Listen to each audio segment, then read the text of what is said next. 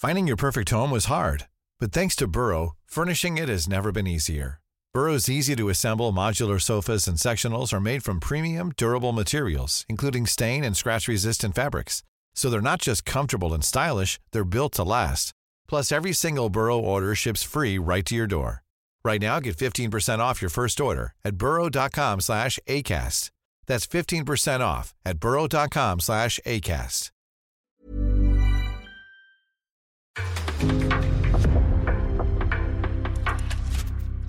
En podcast från Aftonbladet. Ja, men då säger vi varmt välkomna till ett eh, litet specialavsnitt av eh, Fan Plus. Det är trots allt premiärvecka för eh, OBOS damallsvenskan som drar igång till helgen. Det har spelats en himla massa fotboll hela vintern och eh, ja, vi kommer ju inte hinna grotta ner oss i allt som har hänt, men vi ska blicka lite framåt och det som väntar när den svenska seriestarten nu ligger för dörren. Jag som pratar heter Anna Rydén. Med mig i studion idag så har jag Makoto Asahara och Kristoffer Bergström. Kristoffer, om vi börjar med dig. Hur är läget? Det är bra, det är bra. Det är ju röriga tider tycker jag. Jag tycker man, man försöker se matcher skitsvårt. Man läser referat som är så otroligt färgade från, från alla lags hemsidor. Så alla lag verkar svinbra. Alla förluster verkar så otroligt orättvisa. Ja, till exempel sådär eh, Rosengårds genrep eh, mot KIF Örebro. Det spelades alltså på Jordbrovallen. Det var helt omöjligt att se för de som inte faktiskt befann sig på Jordbrovallen och eh, Ja, det var ju ingen i den här studion som var på Jordbrovallen och eh, kan lämna en rapport därifrån. Eller Makoto, var du där? Nej, tro det eller ej. Jag satt mest och slogs av att eh, om man då räknar Fem plus historia även med den damasvenska podden så är väl originaltrion återförenad för första gången på väldigt länge ändå. Ja, det är väl ändå härligt att få Finns något fint i det tycker jag. kicka igång den här säsongen eh, med eh, denna trio i studion. Sen vet jag inte om åtminstone två av oss har blivit klokare sen dess, men det, det, det, det återstår att se. Alltså jag har blivit stendum.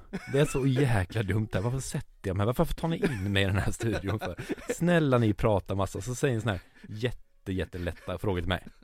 Ja, eh, vi ifrågasätter alltid din medverkan här inne. Men eh, du, lik förbannat så följer du alltid med in när man frågar. Ja, Ja, som en sån, sån eh, hund som har stryk så många gånger att inte sluta följa sin ägare varje gång. Förnedrar sig gång på gång och så kommer han då krypande. Hej Anna, hej Anna, se mig, se mig.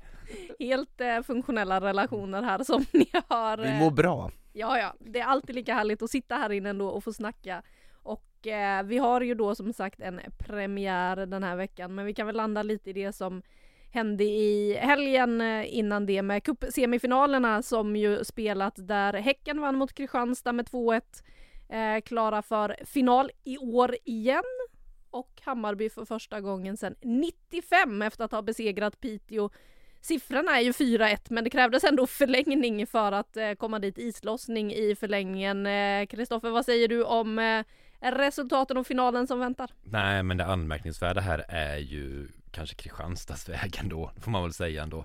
Det här är ju en sån gammal grej, vi pratar väl alltid om den när vi ses? Ja, när ska vi slakta Svenska cupen? Ja, det har vi gjort så många gånger. Nej, vi, vi, kort resumé är ju att Svenska cupen delas in efter geografi. Och de bra lagen finns söderut, alltid, alltid.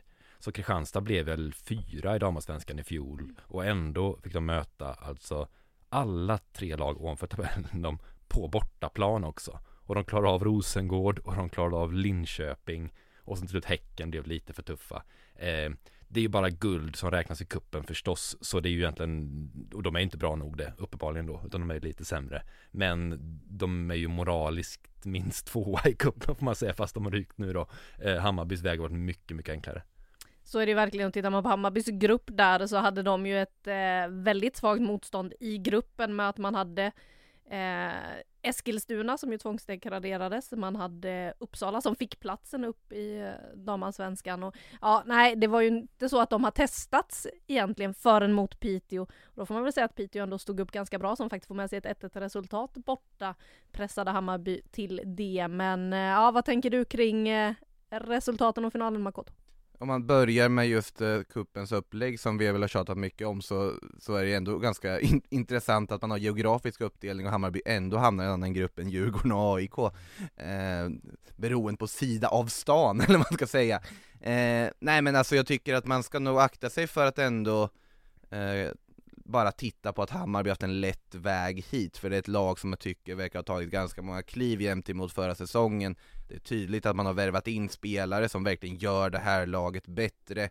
Japanska supertalangen Maika Hamano givetvis en av dem som som imponerat väldigt mycket här under eh, inledningen. Man har ju tappat viktiga spelare i Emilia Larsson, Emma Jansson och så vidare, men jag tycker ändå att det finns en ganska stor framåtanda i Hammarby. Såklart Piteå gör en jättefin match här tycker jag, som faktiskt ändå tar det här till en förlängning och de har all heder för dem har hanterat eh, kuppen.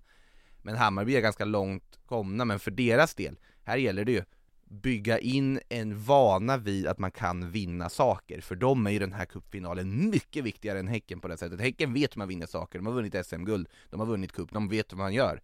Hammarby har ju inte vunnit någonting, de har inte nått den här Champions League-platsen som de haft som målsättning tidigare, de har inte gjort det. Nu sätter vi väldigt höga krav på ett lag som har varit uppe i två säsonger, men jag tycker ändå man kan göra det sett i spelarna de har värvat in, svansföringen som föreningen och klubben har haft, så här är det lite upp till bevis att visa att jo, den här säsongen, tredje gången gilt, nu kan man faktiskt hota lag som Häcken och, Djurgård, eller, och Rosengård, för det har de inte kunnat innan. Nej, här slänger du in Djurgården. Nu är du definitivt i herrallsvenska äh. tankar och tänker för att Djurgården på damsidan ska vara med och slåss om SM-guld eller Champions League. Jag sa ju Rosengård, jag rättade mig ja. själv mitt i meningen, det är viktigt att Exakt. poängtera här. Att... Men eh, Djurgården finns ju i den här serien också, det är väl ingen av oss, för alla har ju tippat, vi ska gå in lite på tabelltipsen, men det är väl ingen som har Djurgården topp tre va? Nej, nej, nej, nej, det Nej. In, inte på damsidan, absolut inte. Nej, bara så att vi är helt överens här. Eh, och eh, Hammarby och eh, hur tongångarna låter där, det ska vi faktiskt lyssna mer på om en liten stund. Vi ska träffa ett av ja, de kanske bästa nyförvärven den här säsongen och den kanske viktigaste namnteckningen för Hammarby om man ska kunna vara med och slåss om det där guldet och ta en topp tre-plats.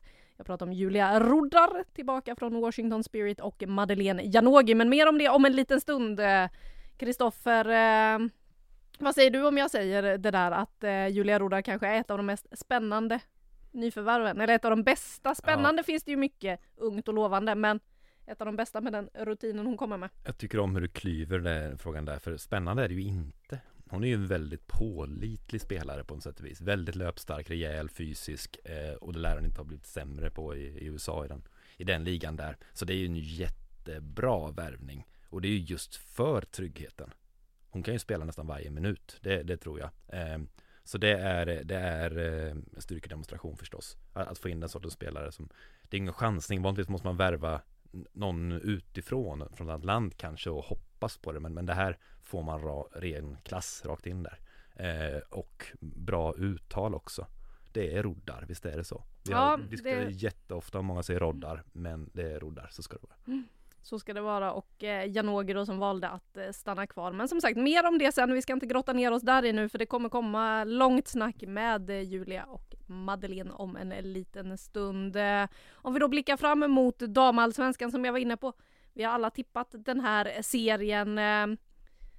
Jag tyckte det var otroligt svårt i år. Jag ville ha två lag som tvåa och eh, till slut så slutade de två lagen som trea och fyra i min tabell. Eh, så mycket tror jag att det kommer svänga i toppen i år. Eh, men om vi börjar där nere då. Det kommer ju väl bli som eh, det var i fjol att det är ett gäng lag som har en egen liten liga i botten eller vad säger du Kristoffer? Ah, jag är inte hundra på hur det kommer dela sig riktigt. Jag, jag vet inte. Ett lag som Piteå till exempel som kan skita sig för rejält och de kan halka där nere eller så som sagt Svenska cupen semi och, och pressa Bayern så, att, så det är lite svårt liksom att avgöra förstås nu. Eh, jag tycker det mest spännande av botten, de, de förmodade bottenlagen är IFK Norrköping. De tycker jag känns eh, jättekul med som kanon för säsong som de har gjort där så, och, de slog Vittsjö senast nu. Kontrollera Vittsjö vinner ganska enkelt med 1-0 så, så som det verkar enligt den helt objektiva rapporten man, man har läst. Eh, och fortfarande väl de, eh, ska säga, de värvar ju Nicole Robertson. Det är hon som var så grym i fjol i Elitettan. I Uppsala ja. I Uppsala ja, precis. Mm. Och hon har inte spelat än överhuvudtaget.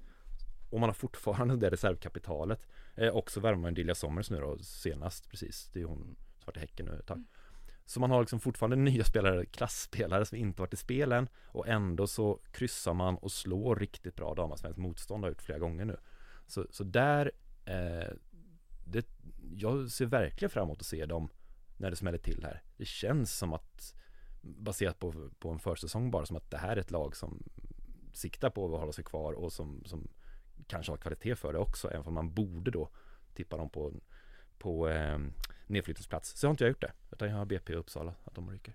Alltså om man eh, stannar vid Norrköping lite, just att få tillbaka Oväntat att du gör det Mankoto. Ja men det, det är ju faktiskt där man ser fram emot väldigt mycket Ja, och se hur det ska man. gå. Det här är ju ändå en, en grupp som också, en väldigt, alltså homogen grupp, de har verkligen byggt det här och det är många, det finns en blandning av Alltså man har ju scoutat väldigt bra på att hitta spelare som har utmärkt sig i de lägre divisionerna. Jag tänker en spelare som Ebba Handfast till exempel i mittlåsen gick in och var strålande i, i Elitettan förra säsongen.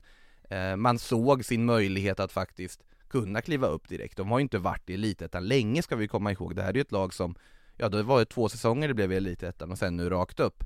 Och då kan man ju tänka att de borde väl åka ner lika fort och såklart truppen Nej det är inte kanske de absolut största namnen i det här laget men de har en en jätteskicklig tränare i Tor-Arne Fredheim, de har en trupp med ja, både trotjänare och Lovisa Gustafsson till exempel som ju betytt hur mycket som helst för den här, den här gruppen och truppen och på planen också Kryddat med nyförvärv som jag, Robertson och Sommer som kommer tillbaka här fram till sommaren och så vidare Så jag har dem inte heller under strecket, med det sagt så är de ju ett av lagen som kommer vara inblandade där nere. Jag har väldigt svårt att se att de ska göra någon sorts Hammarbyresa och bara flyga rakt upp i tabellen. Så mycket växlar tänker inte jag dra från en försäsong.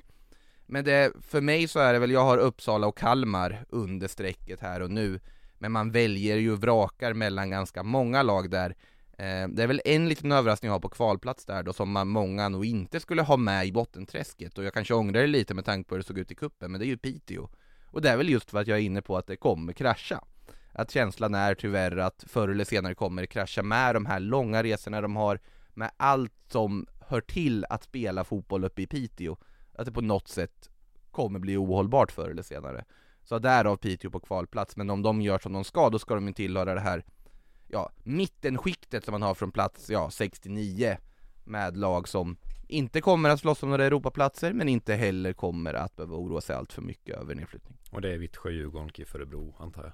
Det är precis de tre lagen. Det brukar vara de som alltid hamnar där ute. Ja, Vittsjö var väl med där uppe egentligen i den här Europagruppen tidigare men med tanke på hur det såg ut i fjol och hur truppen ser ut idag så känns väl ändå som att det är mittenskiktet de får hoppas på för att, som sagt en dålig säsong för Vittsjö, då kan ju de också vara nere i, i botten och kriga, det är trots allt en klubb som gjort under med väldigt små medel tidigare.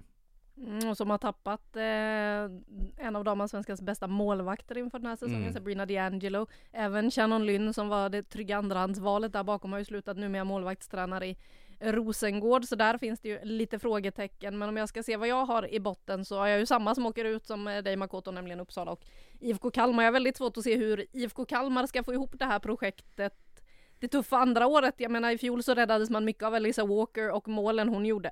Hon har lämnat för Brann, eh, gått till norska mästarna. De hade en ersättare på väg in från Nya Zeeland tror jag det var. Hon skadade sig. Så att eh, målskytten där kom ju aldrig riktigt och eh, jag har svårt att se hur de ska rodda ihop det där riktigt. Så att eh, Uppsala och IFK Kalmar åker ner för mig. Sen har jag faktiskt IFK Norrköping på kvalplats även om jag hoppas att de ska gå bättre än så. Sen tror jag ju faktiskt att även om jag har dem som nia just nu, Djurgården, så om den bollen börjar rulla, jag tror ju att den bollen kan rulla snabbt åt något håll. Får de då stämma Oklart från vilket håll. Ja, får de då stämma från början så kan det bli bra. Men tittar man på deras inledande pro- program så spelar de alltså premiär borta mot BK Häcken. Sen har de KIF Örebro hemma, sen kommer Rosengård på besök. Och efter det kan man få möta ett, eh, eller möter man då ett IFK Norrköping som kanske har lite vind i segern inledningsvis. Eh, Det kan börja knorra ganska fort hos Djurgården. Vi har ju sett det blåsa, storma där några säsonger tidigare så att de kan mycket väl hamna ner i det Det, där detta märkliga Djurgården får man ändå säga på något vis där. Vi har ju följt serien ganska länge och man Det är som att man tänker att de bygger nytt hela tiden eller värvar klokt eller satsa och det blir liksom aldrig någon stabilitet, det blir aldrig en riktigt tydlig spelidé. Man blir alltid besviken för man vill inte se dem som ett bottenlag. Man vill se att men här finns ambitionen, här Mm. finns någonting. Men så blir det aldrig riktigt så. Det, det känns som ja men om man tar Vittsjö till exempel, känns som ett lag som är ett under halvan lag som överpresterar, så känns precis tvärtom i Djurgården, att det finns ja. någonting där som borde sikta uppåt. Men varje gång sitter man och är sur, och det kanske är att man är lite dum. Man kanske liksom skulle bara fatta det hela tiden så. För att det är, ja, jag har dem som sjua Djurgården för att det finns ju där utan vidare då, den potentialen.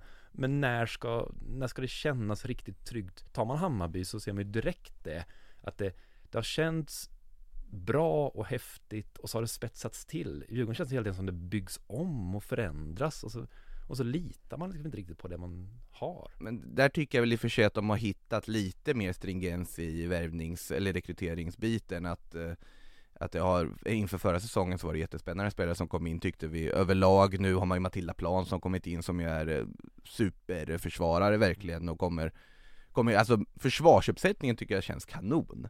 Sen är ju frågan vilka ska göra målen framåt, hur ser det ut med offensiven? Där kommer det vara väldigt mycket ansvar som läggs på vissa spelare som, som är lite oklart hur långt det kan bära.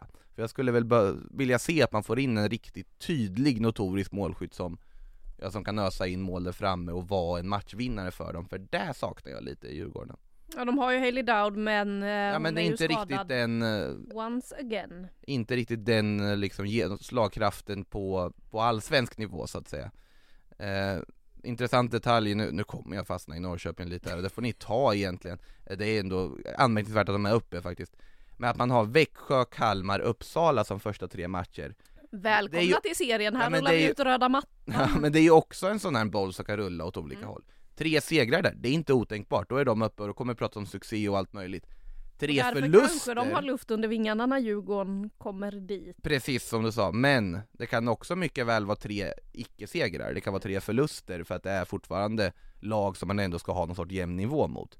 Säg att det blir det, ja då har man ju världens mardrömsschema när de ska ha Djurgården, Häcken, Piteå borta, Rosengård, Linköping ja, då kan det ju falla väldigt, väldigt fort. Så att de där tre första matcherna för Norrköping är otroligt viktiga.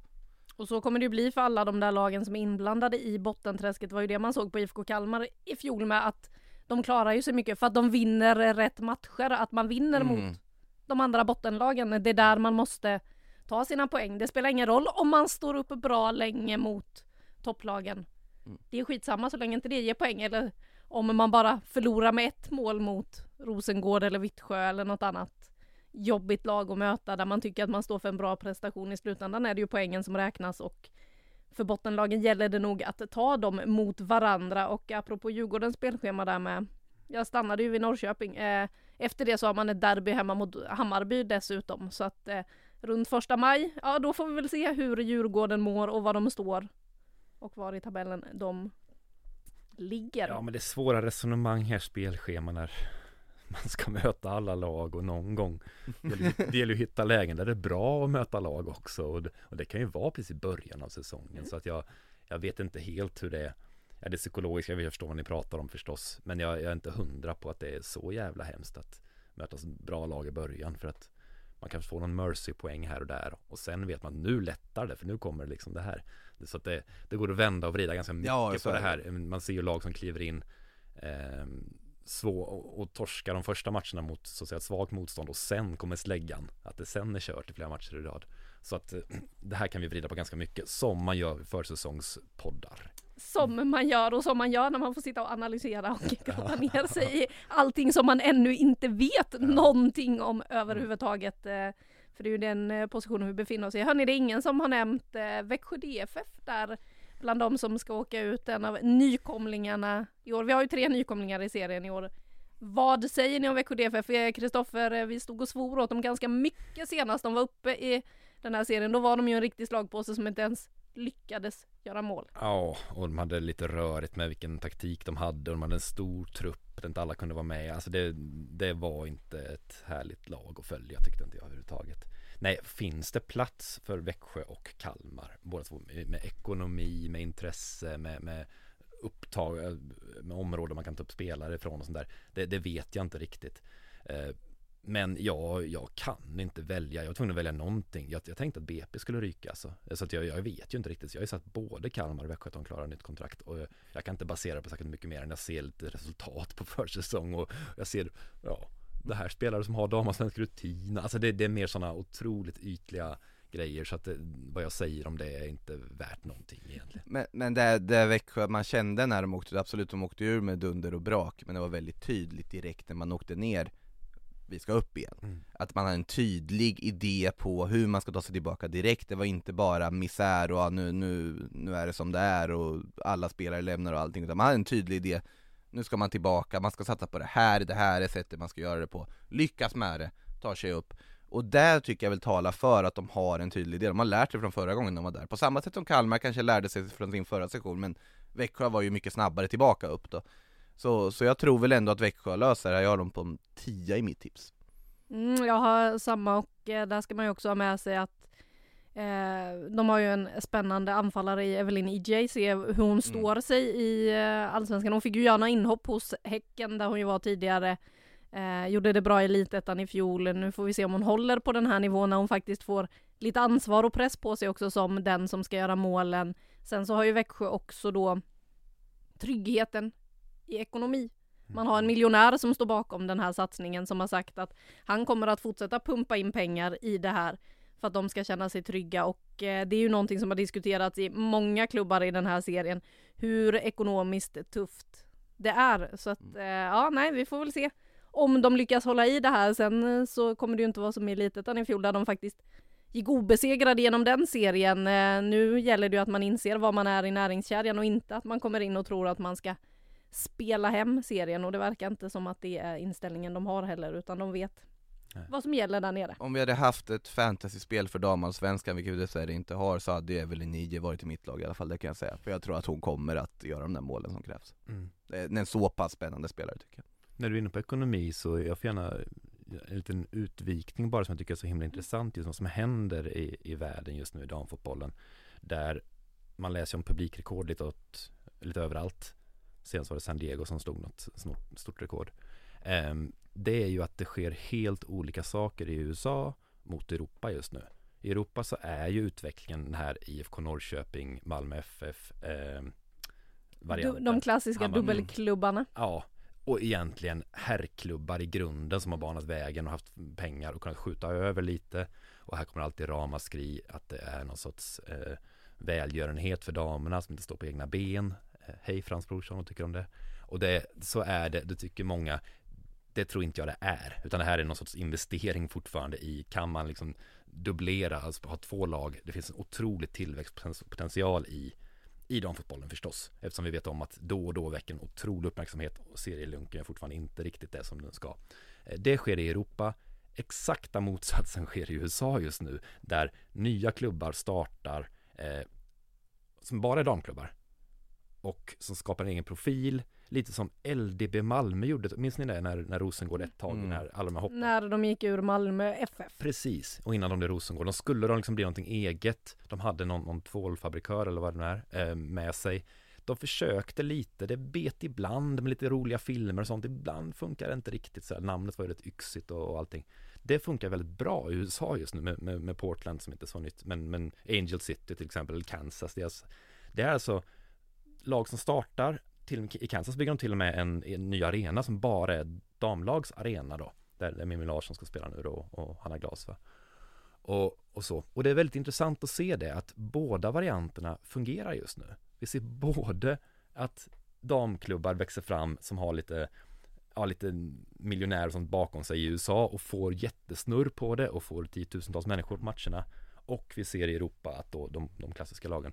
Så antingen så kommer de här parallella varianterna fungera ett tag eller så kommer det ena slå ut det andra. Vi får se lite, för det är ju en diskussion som alltid har funnits nu vad som ska hända med Ja, vad händer med Rosengård när Malmö FF går upp i, i serierna till exempel? Men ligger inte den skillnaden lite i hur amerikansk sport är uppbyggd också? Att du, du har franchiseverksamhet på ett annat sätt, att det är ligorna på sånt sätt har kontrakt med alla spelare och sen har de franchises som placerar ut i olika städer Att ligan som helhet mycket mer aktivt jobbar med marknadsföring för alla lagen Och på så vis är det ganska naturligt att Det gör det, men svensk fotboll måste, kommer ta ena eller andra vägen. Måste göra det, eller om Mm. de, om de svensk fotboll har just nu tagit eh, USA-vägen då, om vi säger så, fast i mindre skala. Alltså Mm. helt enkelt, det, det Ja, med, förknippar med damfotboll. helt med. Rosengård till Ja. exempel ja, Vittsjö förknippar med damfotboll, man förknippar KIF Örebro, eh, mm. ja, och så vidare. Det, det är ju det man gör. Och, och gamla Umeå för länge sedan och, och så, som finns. kvar. Ni vet, ja men ni förstår vad Ja. jag menar, det gamla. Så, så det blir väldigt intressant att se, för just nu det känns som en brytningspunkt, vad, vad kommer hända exakt med det här? Kommer, kommer Europa köra ett eget sätt och USA ett Mm. an- annat sätt? Det, det vill jag verkligen se. Eh, Så, så det får vi titta på framigenom och, och det blir kul att följa utvecklingen. Ja, det blir det och se vad som händer i den här serien. Vi siar ju, det är ju det vi håller på med i det här avsnittet eh, eftersom vi inte vet eh, någonting om säsongen än så länge. Men eh, ja, vi har varit inne på lagen som kanske kommer hamna i mittenskiktet för vi kommer inte gå igenom tabellen position för position och grotta ner oss i allt och alla här och gå in på liksom vem har ont i lilltån här och där. Eh, men eh, toppskiktet då? Vad kommer hända där? Hur stort är toppskiktet? Är ni med mig på att det är fem lag som gör upp? Ja, Samma fem lag som var där uppe i fjol om man ser tabellmässigt? Nej jag har inte lagt in KIF Örebro i topp 5 Nej, Och inte eh, IFK Norrköping heller. Kristoffer, är KIF Örebro åtta? Ja, jag Ja. Nej fan vad pin- det, Och det är sjukt att det händer ju bara liksom Jag försöker inte sätta dem där, det är ju ingenting. Det var ju alltså någon gång vi sände, vi verkligen nässtuderade, det är tre år sedan kanske eller någonting när, när det enda jag visste var att KIF Örebro skulle bli åtta. Jag liksom tippade alla andra lag och svajade lite men KIF Örebro höll kvar. Och så var det ett mål i sista omgången som gjorde att de räddade, om det var sju eller om de blev nia. Och det var så jävla bittert för att det var, jag trodde jag skulle få rätt på det. Men deras genomsnittsposition måste ju vara åtta. Det måste ju bara vara så, för de kommer ju fan alltid där. Nej, Jag har stuckit ut hakan satt dem på sjätte plats faktiskt. Men det är för att Otroligt större, det är liksom, det är så jävla galet av det Ja, faktiskt. det är helt sjukt egentligen, men alltså det är ju det är just att jag, jag vill tro att med tanke på hur de, så bra- som jag tycker de jobbar som förening med marknadsföra sig, med värva utifrån deras resurser och hur mycket de brinner för, för alltihopa, så hoppas jag att det ska, ska lyfta för dem, att det ska ge frukt, för det är många unga spännande spelare som har fått chansen där och ja, Anna Sandberg är ju ett, ett bra exempel som gick vidare till BK Häcken sen och gjort, kommit in i landslaget och allting men så att jag hoppas att det lyfter förbi åttonde platsen för dem nu Ja, det här var inget hattal av mig. Jag tycker Nej, nej, absolut. mycket om deras samhällsengagemang. Jag tycker om den föreningen Mm. väldigt mycket sådär. Så Och jag tycker det behövs en sån nu när tyvärr Eskilstuna inte är kvar, för där har vi en annan sån förening som verkligen tog samhällsengagemang som, som betydde någonting för staden och det är sorgligt rent ut sagt Ja, att verkligen. de av ekonomiska skäl inte är med oss här uppe i damallsvenskan nummer. Och de ville säga någonting med sin fotboll, sin klubb och allting. Ja, nej, jag tycker med. det är det otroligt ont. tragiskt faktiskt. Ja, och eh, jag har också då KIF Örebro 8 bara för att eh, vi ska det. Men det är ju det här också att de känns så stabila där och det är ju många andra lag som inte är så pass välmående att de känns stabila någonstans. Vi pratade om Djurgården innan till exempel, vi har lyft Piteå som också känns som de kan ladda vad som helst. Lite samma sak med Vittsjö i år, även om de har några riktiga klassspelare där. Men de fem äh, lagen som alltså kommer vara med där uppe, det är fjolårsmästarna eh, Rosengård, det är eh, då tvåan från i fjol, Häcken. Vi har eh, Linköping som knep Champions League-plats i fjol. Vi har ett Kristianstad som är väldigt sugna på att komma bättre än den där tredjeplatsen som de gjorde åren innan. I fjol blev de ju fyra och så då femman från i fjol, Hammarby. Men hur slutar det i år då? Vilka tar Champions League-platsen? Om vi börjar på tredjeplatsen, vilka kniper den sista Champions League-platsen enligt er? Jag satt Hammarby, eh, och eh, det är inte för att jag tycker att Linköping eller Kristianstad underpresterar på något sätt, för jag tycker jag har tippat dem för lågt på fjärde och femte plats. Det är ju så spännande det där toppskiktet är tycker jag. Men det känns som att Hammarby behöver ta det här klivet och de har tydligt visat att de vill göra det. Och jag tycker att de bygger sin trupp och, och gör, gör väldigt mycket rätt. Som sagt, de har värvat in Julia Roddar. Det är det är en helt fantastisk spelare som kommer, till, kommer och kommer, och det är en typ av spelare som jag tycker de behöver också, som bidrar med den stabiliteten som de kommer göra.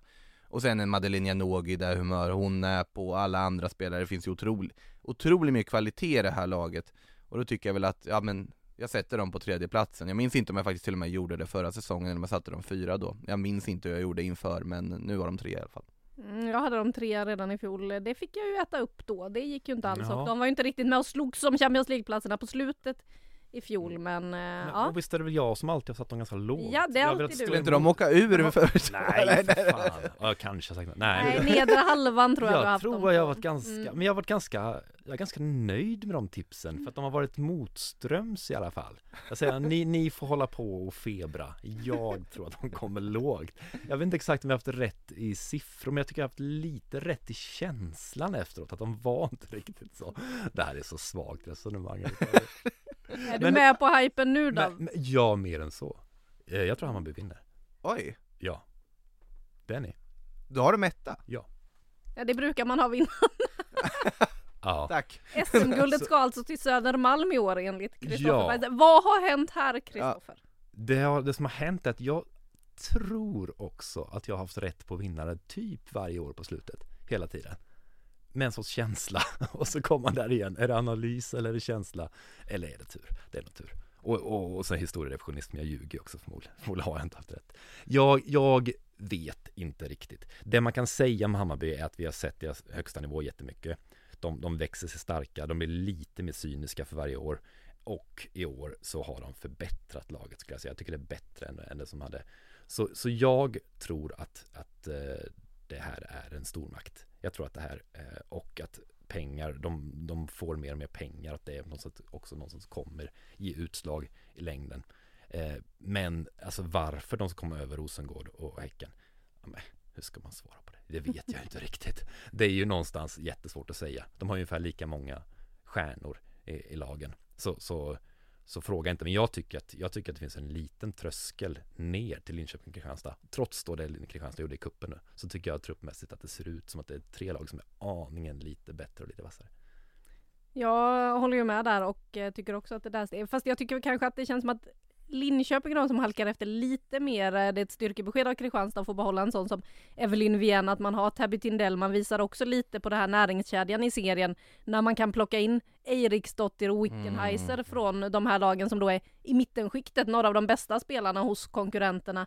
Får in dem. Man har Beta, det är få i den här serien som gillar utmaningar och lägga pussel så mycket som Beta och försöka outsmarta sina konkurrenter att jobba med det hon har så att det ska bli spännande att se. Jag, när jag försökte tippa den här så ville jag ju då ha två lag som tvåa i serien. Jag ville ha Kristianstad och Hammarby där. Det slutade med att de ligger trea och fyra i min serie. Ehm, Nu, men nu Anna, nu är det ju alltså då något lag som fattas här uppe i topp tre. eh, ja, men det blev ju så att Kristianstad är ju fyra i min serie Ja de blev fyra, Mm. okej ja. och Hammarby trea. Så att, eh, ja, för min del blev det ju då så att Rosengård kommer ju inte försvara sitt SM-guld i år. Det, Jag har dem som etta. Ja, eh, det är ju skönt att vi har olika segrar Det är, det är inte ofta. Nej. Och eh, för min del så hamnar ju guldet på Hisingen. Anvegård eh, börjar göra mål. Rosa Kafaji som äntligen kan spela fotboll Ja, igen. har, har hon kommit igång eller? Hur? Det kan man väl Mål. säga. Hon har väl gjort mål i nästan alla gruppspelsmatcher i kuppen och gjort det väldigt fint på försäsongen. Har ju dessutom då under sin skadeperiod faktiskt kunnat bygga på sin fysik hon inte riktigt hade tidigare. Vi har ju sett hennes teknik mycket i AIK under den tiden hon spelade. För hon gick ju sönder så fort hon kom till Häcken.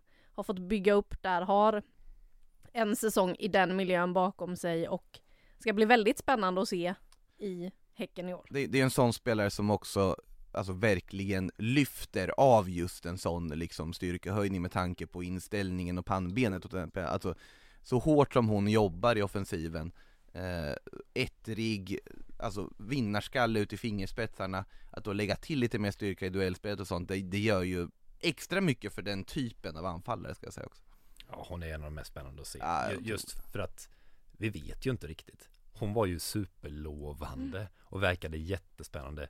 Och sen direkt gick hon sönder så man liksom, är hon lovande fortfarande? Eller har det hänt mycket nu så att hon är en, ja, en, en stor försäljning på gång och sånt där? Är hon så bra? Vi vet ju inte riktigt alls vad, vad det är. Men som sagt, bra på försäsongen ja. Men Mm. mm, jag, jag vet inte. Jag tycker det blir spännande. Ja, det ska bli väldigt spännande att se och det skulle inte förvåna mig om hon är en av tre nominerade i kategorin Årets genombrott när vi summerar den här säsongen framåt november. Men de senaste åren så har vi ju sett eh, rent eh, i guldstriden så här ganska många matcher på slutet där det faktiskt inte betydde någonting längre. Det har avgjorts lite för tidigt den här serien. Eh, vad tror ni om den här säsongen. Kommer det leva in i det sista eller kommer då Rosengård enligt dig Makoto få höja bucklan tidigt, eh, Kristoffer? Ja, och jag, att Bayern får säkra det tidigt eller? Jag tror att det lever både i topp och botten. Det ser så tätt ut. Det är så många lag nu som kan slå andra lag. Man pratar ju ofta liksom om man gjort att det är två lag i toppen bara, Häcken och Rosengård och att det finns uppenbart en eller möjligen två slagpåsar där nere. Nu ser man ju fem, sex lag och så något som floppar också som kan vara nere och sen som sagt då en kvintett där uppe. Det, så jag tycker det ser väldigt läckert ut innan. Jag, jag hoppas det, det håller vad det lovar liksom på något vis. Därför att det är ju verkligen så att den som ligger femma skulle lätt kunna grusa ett eh, guldlags eh, förhoppningar sista omgångarna. Alltså att, ja, det, det, så bra klass håller ju de fem lagen. Så det är ju ingen skräll ens om, om inte ettan tar tre poäng från femman liksom på slutet så. Så att det, det känns inte alls som att det är två grupp, två seriefinaler och sen är resten bara hova in tre och sen inte gå på pumpen bara typ uppe i norr eller någonting. Det man kan konstatera är väl att om det skulle vara så att det avgörs tidigt den här säsongen och att vi inte får någon spänning i slutet Då är det ju ett av två lag vill jag ändå sträcka mig till fortfarande, som då har grovt underpresterat. Mm. För om inte Ros om Rosengård eller BK Häcken är avhängda, då har de gjort en misslyckad säsong. Deras ambitioner ska ligga i att de ska kunna vinna SM-guld. Mm. Det ska vara en tydlig ambition hos de två klubbarna. Jag vill inte sträcka mig att Hammarby ska ha som ambition, även om de har som tipsen. Men så att ur det perspektivet, sen absolut, Rosengård har inte imponerat på försäsongen överhuvudtaget, åker ur kuppen och förlorar mot GIF Örebro där i genrepet. Truppmässigt finns många frågetecken med skadelägen och jag kan inte för allt i världen förstå varför man lånar ut eh, uh, Atina här nu till, uh, till Örebro just också när mittbacksfronten ser ut som den gör i Rosengård. Men det här är FC Rosengård. Det här är ett lag som har mästare liksom ingraverat i DNA. Det är ett lag som allt annat än att vinna en titel är inte acceptabelt. De har Caroline Seger. Eh, hon har ju seger i namnet, alltså ni förstår vad jag menar. Så att ur det här perspektivet så blir det väldigt svårt för mig att tippa något annat än Rosengård vinner på förhand, hur dåliga de än ser ut på en försäsong. För de skulle mycket väl kunna bara vända på det här, vinna tio raka, man inte riktigt förstår hur det går till, men att de ändå gör det. Kanske inte imponerar, de kanske inte glimrar, men att de ändå gör det. Häcken vet jag inte om de har byggt upp den här vinnarkulturen på det sättet. Absolut, de har imponerat jättemycket i slutet av förra säsongen och har ett bättre lag på pappret möjligtvis till och med än vad Rosengård har. Men just det här alltså svårkvantifierbara som Rosengård har, där talar för att de ändå löser det. Men sen hoppas jag att det kommer leva in i det sista och att tecken visar att jo visst kan vi vara med och slåss om det. Jag hoppas att Hammarby visar, jo visst har Kristoffer Bergström ändå rätt någorlunda och är med här, och Kristianstad också med tanke på vad de har värvat och så vidare. Och sen Linköping som jag inte tycker egentligen ska räknas bort så tydligt efter de här andra fyra, för där, de har en plan, de har en bra trupp, de har en jätteskicklig tränare i André Jeglertz, de har någonting på gång. Så att, eh, det är fem lag jag hoppas kommer slåss in i det sista om guldet. Och det vi har sett eh, de senaste säsongerna är inte att laget med högst toppar vinner guld. Inte nödvändigtvis, Nej. utan det vi har sett väldigt tydligt mm. är att laget som klarar mm. 2-0 borta mot GIF Örebro, som klarar att fortsätta göra det hela, hela tiden, åker till Vittsjö och bara gör 1-0 och vinner den matchen. Det är de lagen som vinner guld hela tiden. Vi har, det, det blir per säsong någon sån här konstig 10-0. Det blir en riktigt märklig match då och då. Eh, men det är inte det laget som garanterat vinner SM-guld. Utan, utan det är liksom lite för tätt för det. Man kan inte spela så riktigt längre utan man måste verkligen kunna vara maskinell och, och hämta hem ja, 12 poäng på fem matcher om det är möjligt. Och det är väl där det, det, där är lite upp till bevis tycker jag för Häcken och Hammarby på ett annat sätt än vad det är för Rosengård. Rosengård har visat många gånger att de kan göra det här. Jag tycker inte att det här Häcken ännu helt har visat det när, liksom, in i början av en säsong, sättet de tappade poäng Det gamla Häcken kunde ju det med, med Koivisto och, eh, heter Kuika ja, ja. Det laget var ju ett av de bättre vi sett tycker jag just på det. Ja, att kunna jag, spela, att bara bomba hem tre år hela, hela tiden. Och med all respekt till det Robert Wieland har implementerat och hur många steg de ändå har tagit så tycker inte jag att Häcken idag är riktigt där än. Men man kan bli motbevisad här nu under det här fotbollsåret som kommer. Ja, för där håller jag ju inte alls med dig. Nej, utan, eh, jag tycker ju helt tvärtom att sen Robert han faktiskt klev in och satte sin prägel på det här eh, laget som han ju ärvde från Mats Gren, det här resterna från Kopparbergs Göteborg när han började skruva i somras och eh, faktiskt skickade iväg en del spelare, var väldigt rak och tydlig mot eh, spelare så här att okej, okay, nej men du kommer inte få så mycket speltid längre. Luna Gevitz var kapten i eh, Häcken innan det, var en av dem som fick lämna. Eh, har satsat på sin unga backlinje som visst, den kan svaja ibland. Men det finns otroligt mycket potential i den där backlinjen som leds då av eh, Josefin Rybrink. Hon är 24 eller vad hon är. Eh, hon är äldst i backlinjen. Eh, det är en väldigt mm. ung lovande backlinje. Han, det känns som att han har fått med spelarna på tåget och Ser man från då sommaren i fjol, alltså de hade ju en riktig jävla skitperiod innan sommaren i samband med den där kuppfinalen som verkar ha knäckt dem rejält och det kan man ju förstå med tanke på hur den avgjordes och allt som blev runt den. Där började man spela oavgjort mot Djurgården och man höll på med det här som man inte får göra om man ska kunna vinna guld. Man insåg att okej, okay, guldet är utom räckhåll. Vi börjar redan nu skruva om för att kunna slåss om guldet nästa år. Det var det man pratade om i Häcken. Det var inte så att okej, okay, nu tror vi att vi kan vara med och utmana Rosengård i år, utan vi ska satsa mot att vi ska vara med nästa år. Vi vill göra en bra avslutning på den här säsongen och under den perioden så förlorar man alltså bara en match och det är mot Rosengård. Visst, man förlorar mot Rosengård, men den matchen kom också ganska tidigt i det här när de fortfarande höll på att göra om. Man vinner bort, stort borta mot Linköping till exempel, som var ett av de lagen som faktiskt jag tycker imponerade mest i fjol. Det var ett av lagen som var roligast att titta på i fjol. De spelade väldigt rolig fotboll. Eh, man visste alltid vad man fick. Man hade en vagnsgård som öste in mm. mål och sådär. Men som du sa Kristoffer, det är ju oftast inte de lagen som vinner SM-guld längre. Det var också därför jag i mitt ursprungstips ville ha Hammarby och Kristianstad tvåa, bägge två, för att jag tänker att något lag ska skrälla. Men jag kunde inte flytta Rosengård hela vägen ner till fjärde plats för att Rosengård vet hur man håller det här. Hur man vinner matcherna med 1-0. Hur man faktiskt tar med sig skitpoängen från Piteå. De vann SM-guld i fjol utan att imponera och därför tror jag ju att de då ändå kommer tvåa till För om de ligger fyra efter halva säsongen, då kommer ju varenda ledare och materialare och allt i klubben nästan ryka och bytas ut och de kommer börja liksom hitta rätt och sen vända på det. För att det är inte acceptabelt att ligga där, där överhuvudtaget. Sen har vi Häcken också, den målbilden idag.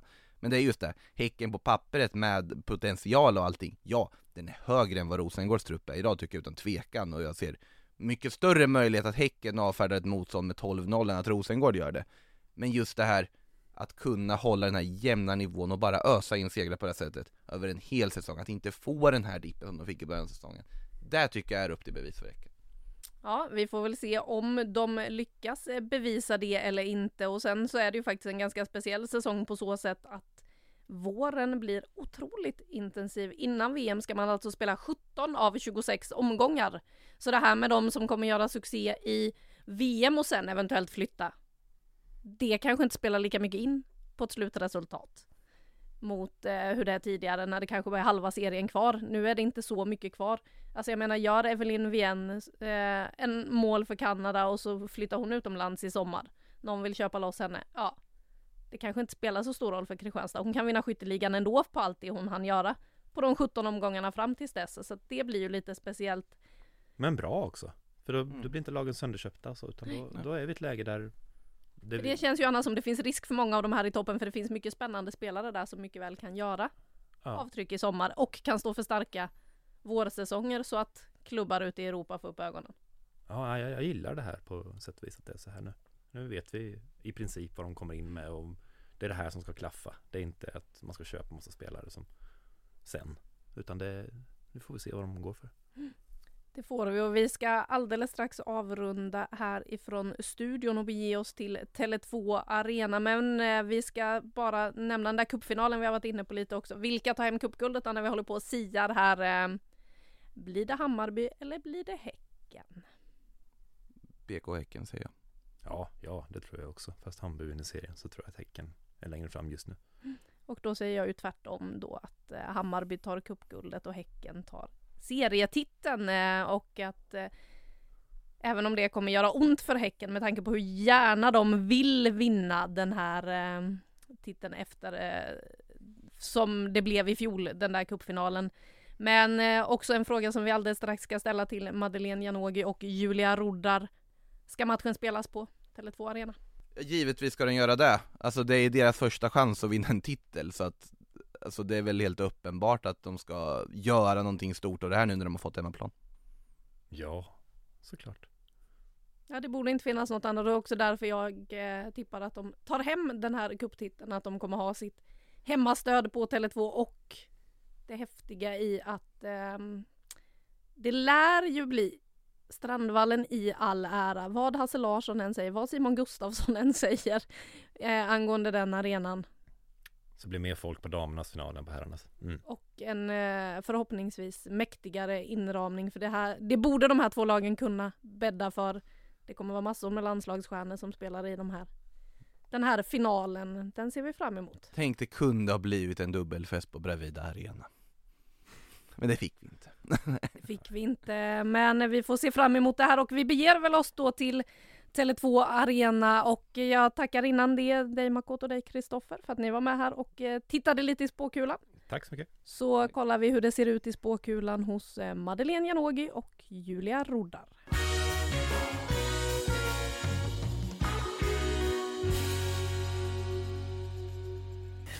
Ja, då sitter vi här med Julia Roddar och Madeleine Janogy. Hur är läget inför premiären? Ja men svinbra. Alltså vi har haft en bra försäsong och är taggade och få spela premiären här på Tele2 känns häftigt. Ja. Speciellt efter matchen igår. Att få vinna den på, på övertid och ta med det självförtroendet Mm. inför den här veckan. Hur mycket extra ger den där segern i cupen? Ja, men jättemycket. Och, alltså jag pratade med Boje innan också att det är så speciellt att vinna på övertid. Alltså, då, det blir en annan känsla. Alltså man är helt ur, urpumpad och sen eh, kunna vinna med 4-1 eh, och, och känna att vi orkar och är så starka. Så, eh, ja, det, det är riktigt en... Ja. Jag kan ju bara jämföra med i fjol när vi förlorade på förlängning och um, spelade premiären. Det gick ju inte så bra. Liksom. Så det känns ju jäkligt skönt att man kan gå in den här veckan med att vi vinner på övertid eh, med 4-1. Eh, och ha det i bagaget. Det känns tryggt eh, jämfört med förra året. För egen del då, missat matcherna i kuppen här, vad, vad är det som Ja. har känts? Eh, nej men det har varit, eh, jag har haft en känning, eh, en mindre känning. Så att, eh, jag visste ju att det inte skulle ta så lång tid. Men i och med att, eh, men att det är tidigt på säsongen, att då ville vi inte chansa liksom. Så att, eh, eh, vi har tagit det väldigt försiktigt liksom. Eh, vilket har känts skönt. Eh, och speciellt nu efterhand när jag fick spela och det ändå kändes bra liksom. Är det en lärdom från i fjol där du hade en del problem in i säsongen? Ja, verkligen. Vad säger du då Julia som är inne i, på din första säsong här i Hammarby? Hur har försäsongen och kuppen varit? Ja, men det har varit en eh, tuff försäsong. Eh, mycket träningar, alltså långa dagar. Mycket att lära sig, alltså spelsätt och allting. Men jag tycker ändå att det, det liknar det jag kommer från USA och det är ett lätt gäng att komma in i så det känns ja, men jättekul. Om vi stannar lite vid kuppen då, nu är ni klara för final. Det väntar ett Häcken i final. Eh, Julia, hur blir det? Jo men det blir hette ju inte- speciellt. Vi hette ju inte Häcken då men Nej. man känner ju igen många och ändå liksom många kvar i organisationen också. Så det är klart att det kommer vara speciellt men eh, det ska bli jättekul och kommer säkert bli en väldigt tuff fight. Och eh, det var ju de ni förlorade mot i den där semifinalen i fjol. Japp. Så jag är otroligt taggad på revansch. Och jag har heller aldrig spelat en final. Så det ska bli Ja. jäkligt kul. Vad säger ni om att ni blev lottade på hemmaplan då? Och vill ni helst spela den på kanalplan där ni är vana att spela? Eller på Tele2 Arena där vi Tele2. sitter just nu? Tele2. Och slå rekord. Mm. 100 procent. Ja. Vad skulle det betyda tror ni? Det skulle ju dessutom då bli förmodligen så att eh, cupfinalen för damer blir större än cupfinalen för herrar. Alltså, alltså det hade varit mäktigt. det var så jävla mäktigt. Eh, Och jag tror absolut att det är, alltså just att det är också Häcken eh, och Hammarby. Ja, ja. Att det blir, det kommer dra folk liksom. Det ska dra folk. Ja. Alltså, folk ska hit. Om du så ska skriva. Exakt, de ska hit. Det finns inget annat. Jag lovar att bjuda på, på show då. Ja, Amanda kommer bjuda på show. du med. Ja. Tillsammans. Ja. Vad känner ni inför seriesäsongen som drar igång nu då? Vad är det för förväntningar och förhoppningar ni går in med? Jo men det känns som att vi är alltså, trygga som lag och jag tycker det känns som vi kan hantera lite press och ändå så här, vi vet att vi, vi kan och vi är duktiga så det känns så här. Jag tycker det känns eh, ja, men bra och att vi, vi ska vara med i toppen och fightas. Ja, vi har fått så mycket. Jag vet inte hur många gånger jag och du har pratat om så här, alltså, pressen och liksom sådär. Och det fick vi verkligen känna på i fjol. Så att vi har ju den erfarenheten nu. Och det är som du säger att så här, jag upplever inte att pressen och, alltså, kommer vara ett problem i år. Nej. Utan vi har det bagaget. Eh, och vi har också fått in spelare som har spelat stora matcher och, och vet vad som krävs. Liksom. Vi har en blandning på med, alltså med dem och unga. Mm. Vilket jag tror kommer bli otroligt viktigt och en fördel. Eh, så att det känns otroligt Mm. bra faktiskt. Mm. Det blev en femteplats i fjol. eh, Är det Champions League-plats som gäller i år? Ja. Det är det. Eller det är det, är det vi ska gå för. Ja. Liksom. Det hade varit konstigt annars. Eh, om vi skulle gå ut och säga något annat. Ja. Tycker jag. Kan det till och med vara så att ni är inblandade i striden om SM-guldet eller hur går tankarna inför? Absolut. Eh, det, vi ska vara med där uppe och fightas liksom. Mm. Sen är- det kommer bli tufft. Det kommer bli svårt. Men eh, jag har stora förhoppningar på Mm. den här säsongen och eh, eh, vill verkligen. Alltså Mm. jag vill det här Ja. så otroligt mycket. Ja. Var det det som fick dig att stanna kvar? Ja, men det, ja, men det, det, dels det att jag känner mig inte klar liksom. Varken jag eller klubben liksom. Och det känns skönt att vi har samma mål liksom. Eh, så det var ju en stor anledning att jag blev kvar. Och Julia, du vet ju hur det är att vinna SM-guld. Vad krävs för att vinna ett SM-guld? Ja men det är, alltså det är väl klyschigt att säga men det är verkligen så här att ta en match i taget. Och inte typ sväva iväg för mycket. För det är skitsvårt att vinna en serie. Alltså det är inte lätt. Och det känns som att det är det är bara, alltså försök att vara här och nu, alltså ge allt i den matchen du spelar och det, det kanske egentligen är de här matcherna som man på pappret ska vinna, att det är de som är jävligt tuffa. Så att om man kan hålla eh, ja, men en jämn nivå eh, he, alltså hela vägen, eh, vilket är skitsvårt men då, då tror jag det kan, kan bli skitbra. Om ni fattar. ja. Och om vi ser då på våren som väntar. Det blir ju ett intensivt Mm. matchande. Ni ska in i en cupfinal också i det här då men det är alltså 17 omgångar Ja. innan VM. Ja, Hur alltså ska ni på det spelschemat? Det känns så jävligt, alltså man har inte ens hunnit tänkt på det typ. Nej du, det är fan bra att vi är bra på att ta en, ja, ja. en dag i taget. Så hade vi, så hade vi Nej, det, suttit här nu. nej. Nej men det vet vi om och ehm, det som jag sa, liksom, att ta en match i taget. Det kommer vara mycket eh, matcher men ehm, vi har en bred trupp Mm. liksom. Och, så det känns ändå som att det är inte det är inte något som kommer påverka oss jättemycket känns Nej. som. Utan det kommer bli tufft men det är vi med- medvetna om. Mm. Liksom. Ehm, och bara försöka ta en match i taget Mm. liksom. Ehm, Mm. Och typ vara noga med, ja, med allt utanför också. Alltså Ja. pumpa i sig mat. Alltså nu om det kommer vara tre matcher i veckan. Det gäller ju att liksom Ja men vara noga med det också. Alltså få rätt förutsättningar för att kunna göra det bra på Ja. matchdag liksom. Ja. Och vara smart i träning, vara ärliga. Alltså Ja, har man känning eller vad som helst att man, man ser till lagets bästa liksom. Ja. Ja, viktigt är att våga göra det fast man själv kanske då alltid verkligen vill spela men faktiskt våga känna efter. Alltså jag tror att det är nyc- nyckel ifall man ska gå hela vägen. Mm. Att eh, man faktiskt är ärlig mot sig själv och laget. Mm. Eh, och förstå vikten, vikten av det liksom. Eh, jag tror ändå att jag tror att vi är bra på det. Mm. Faktiskt. Jag har fått den känslan Ja. också. Att eh, alltså vi är väldigt också, det är högt i tak liksom redan nu att säga, ja men det känns som vi påminner varandra om det också så här, bara i gruppen att Ja. så här, och från tränarnas håll också, vara ärliga alltså för det, det kommer gyn- gynna oss i längden. Och, Ja. och sätta laget först liksom. Du som är ny, vad har överraskat dig mest sen du kom till Södermalm? Eh, ja, överraskade mig. Nej men alltså det känns som Det är ingenting. Nej men jag tycker det har varit så här väldigt lätt att komma in. Alltså jag är egentligen inte så överraskad. Jag, det känns som jag och Amanda har ju snackat lite innan och jag, jag liksom skrev på också. Så att, alltså jag hade ändå en ganska bra inblick i vad jag kommer till liksom. Eh, men det är klart det är en ny stad och alltså man ska flytta från andra sidan jorden och hit. Så det är klart det har varit mycket och tufft alltså mentalt men det känns som allt börjar falla lite på plats. Och, Alltså det är en trygghet att ha Madde i laget också. Så någon jag liksom känner till sen innan. Så jag tycker det har varit enkelt ändå att, att komma in i, i liksom en ny arbetsplats. Liksom. Rent mentalt, vad är det som har varit tufft?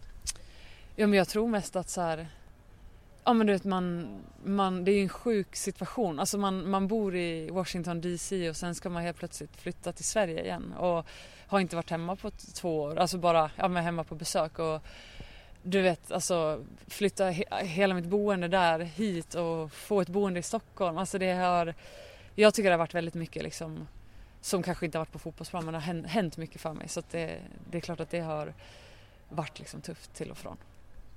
Madde, hur säljer du in Bajen då när så Julia börjar fråga här, okej ska jag flytta hem, ska jag flytta till Hammarby? Det, alltså, jag, jag har egentligen bara varit ärlig och Mm. liksom eh, svarat på dina frågor. Eh, inte så mycket liksom att jag har försökt övertala eh, Rodda till någonting utan jag, vi är ju nära vänner så jag vet hur hon funkar liksom och där har jag ju alltså, tagit in Mm. mitt ansvar i att jag vill inte påverka henne utan jag vill att hon, de frågorna hon har, de ska hon få svar på. Mm. Ehm, och sen visste ju egentligen, jag visste ju inte att du hade signat Nej. utan jag fick ju det samtalet och bara Ja, Alltså, för vi pratade, vi pratade lite men inte Ja. så mycket för att jag Nej. inte kände att jag ville liksom Jag Nej. ville inte känna alltså, att jag påverkade Ja. dig till någonting liksom. Och Nej sen- för jag visste ju att du också var på väg. Ja, alltså jag visste inte om är hon kvar eller inte. Ja. Så jag ville inte heller att det skulle vara mitt bara gå på att så här, Madde är här. Exakt, alltså, det var ju precis. skitviktigt Ja, för mig också. Precis. Och ehm, det var viktigt för mig att, jag kunde känna efterhand, även Mm. nu när du signat så här. Jag har inte sagt, utan det är ett beslut som Rudolf Ja. har tagit liksom. Men jag blir såklart överlycklig. eh, och vet att hon kommer göra succé här liksom. Och det är en bra, bra miljö för henne liksom. Vad skulle du säga att hon tillför som spelare i Hammarby? Mycket. Ehm, och inte bara som, på, som fotbollsspelare utan även som person. Men hon bidrar med mycket, otroligt mycket energi. Eh, och eh, har otroliga erfarenheter. Hon har ett VM-brons, hon har ett OS-silver, hon har ett guld. Hon har ett guld i USA liksom. Hon har en vinnarmentalitet som vi behöver. Eh, och otroligt eh, bra spelare som jobbar hårt, bo- box till box liksom. Som kommer behövas. Ehm, och vi kommer behöva ha på mitten liksom en erfaren, erfaren spelare som vet vad som krävs eh, och kan hjälpa. För vi har ju en mix av unga och äldre också som eh, tror det är viktigt att man hjälper de yngre. Eh, så hon kommer bidra med mycket. Vad var det som gjorde att valet föll på Hammarby? Hur är det att höra de här ja, jag var gud, jag var en tår. Nej men eh, alltså jag tycker det var, jag har ju följt Hammarby, eh, ja men dels för att ja, men jag är bra kompis med Madde och har velat sett matcherna eh, de här senaste två åren när jag varit iväg. Eh, men sen har jag haft kontakt med Johan och Pablo och, och känt att jag skulle kunna passa in i sättet de spelar och också att det är som klubb, alltså vilken historia, vilka fans och eh, sättet vi spelar på kändes rätt för mig och att det är en klubb som vill framåt. Så det, det föll på det och sen eh, var det en bonus att eh, Madde också blev kvar. Innan vi pratar mer om premiären som ju är det som väntar härnäst, eh, match här på Tele2 där vi sitter mot Vittsjö, så är det ju så att i sommar så väntar ett VM. Hur tänker ni kring era chanser och möjligheter att slå in i en VM-trupp? Ja men jag tror absolut om man gör det bra här, eh, är lite närmare eh, än när jag varit i USA och varit långt ifrån så kan man göra det bra här så känner jag ändå att jag har chans att, att slå mig in i en trupp och eh, det är ju det som är fokus. Fokus här på Hammarby och sen eh, jättekul om jag skulle kunna slå mig in i en trupp eh, till VM. Hur mycket har du saknat landslaget? Ja men jättemycket. Det, man blir alltid jättebesviken när man inte får komma med. Det är ett sånt otroligt härligt gäng och eh, det är så häftigt att få uppleva de här mästerskapen. Så det jag saknar jättemycket. Och nu är målet såklart eh, att ta mig in i en VM-trupp. Och Madde, du har ju varit med samtliga samlingar sedan mästerskapet som var i somras. Eh, hur ser du på dina chanser? Känner du att du är nära eller vad tänker Mm. du på det? Mm, alltså, jag... Eh, alltså mitt mål är att vara med i VM. Eh, och jag, eh, jag missade ju EM i somras liksom, men har tagit mig tillbaks på, på, ett, eh, på ett fantastiskt sätt tycker jag. Och, mm, liksom, jag, har, jag, ska vara, jag vill vara med i VM och det, ligger där men det är ingenting jag kommer fokusera på utan jag känner mig ganska lugn och eh, känner mig i bra form. Eh, var med senast, liksom, hade otroligt kul där och så här. Så att jag bara eh, försöker njuta och spela bra fotboll liksom. Och så har jag som mål att komma med, eller mål att vara med i mästerskapet liksom. Eh, men det är ingenting jag lägger fokus på liksom, när jag är här. Var det därför också som du valde att stanna kvar i Hammarby där du känner dig trygg och vet att du kommer få speltid? Eh, det var inget, eh, det var inte huvudmålet. Eh, utan det var verkligen att jag inte kände mig klar. Mm. Och kände, jag kände inte det här, jag vill dra liksom. Eh, sen eh, så såklart så är det positivt kanske att jag, att jag får spela mycket i Bayern och att jag känner mig trygg och så för landslaget. Men det var inte, det var inte, det, det var inte därför jag valde att vara kvar i Bayern. Om man såg eh, dig spela mot Kina eh, så var det många som sa det där är Madeleine Janogy i försäsongsträning, i försäsongsform. Då kommer de damallsvenska försvaren få det jobbigt den här säsongen. Hur eh, bra känner du dig inför den här säsongen?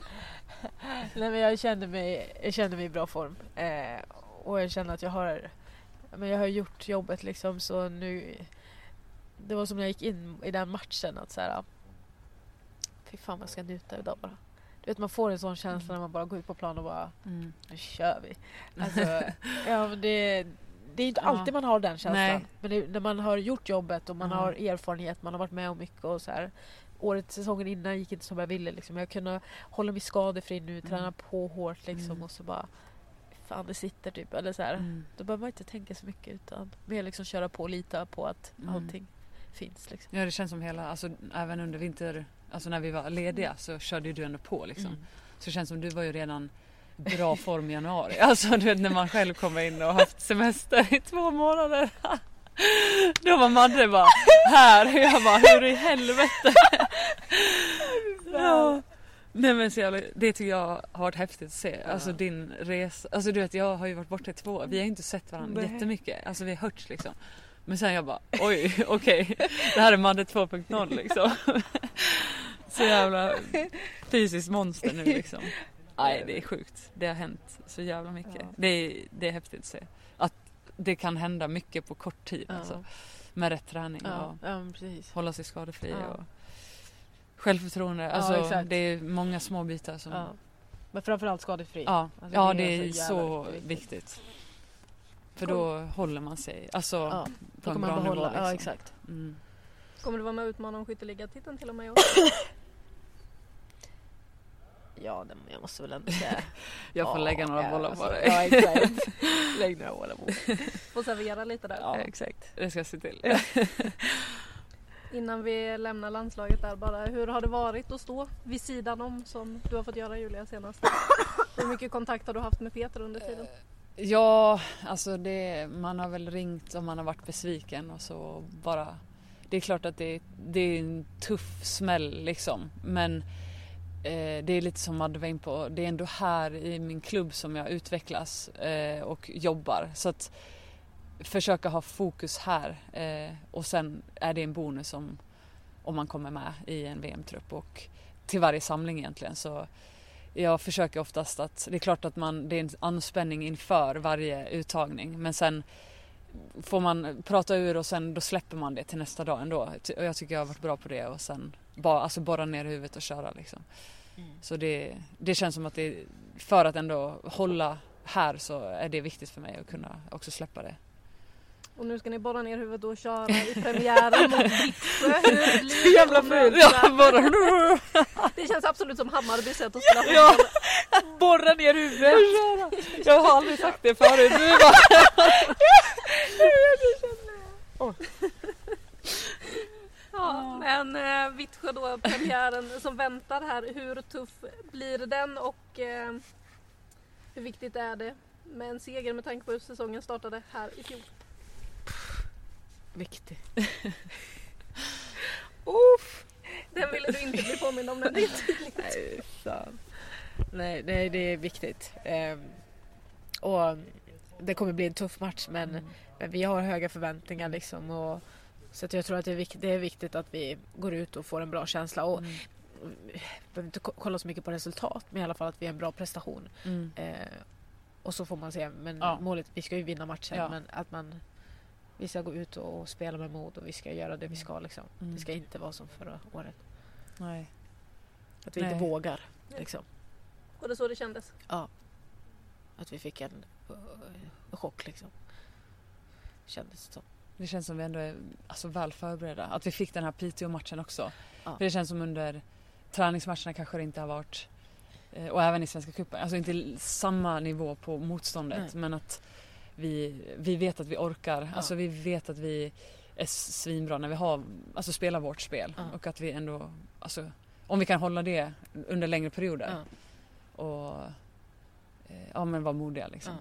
Så tror jag det blir skitbra. Om jag säger att Julia Rodar är ett av eh, de mest spännande nyförvärven i serien den här säsongen, vad säger du då Madde? Jajamän. Tack! Jajamän, det håller jag med om.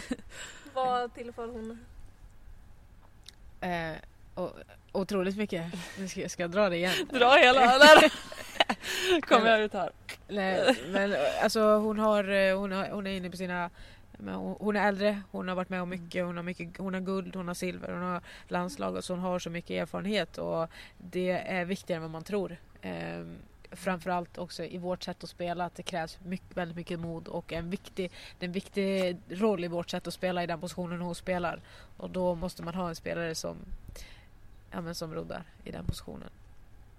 11 november summerar vi den här serien. Var hamnar Hammarby i tabellen då? Alltså jag ser oss med guldhattar.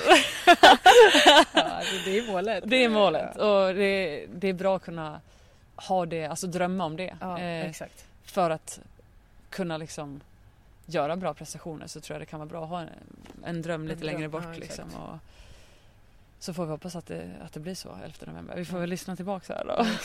Se. Men på vägen dit, en match i taget. Ja, precis.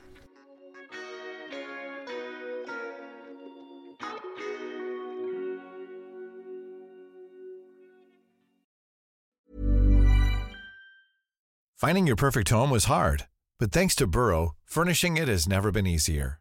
Burrow's easy to assemble modular sofas and sectionals are made from premium, durable materials, including stain and scratch resistant fabrics. So they're not just comfortable and stylish, they're built to last. Plus, every single Burrow order ships free right to your door. Right now, get 15% off your first order at burrow.com slash ACAST. That's 15% off at burrow.com slash ACAST.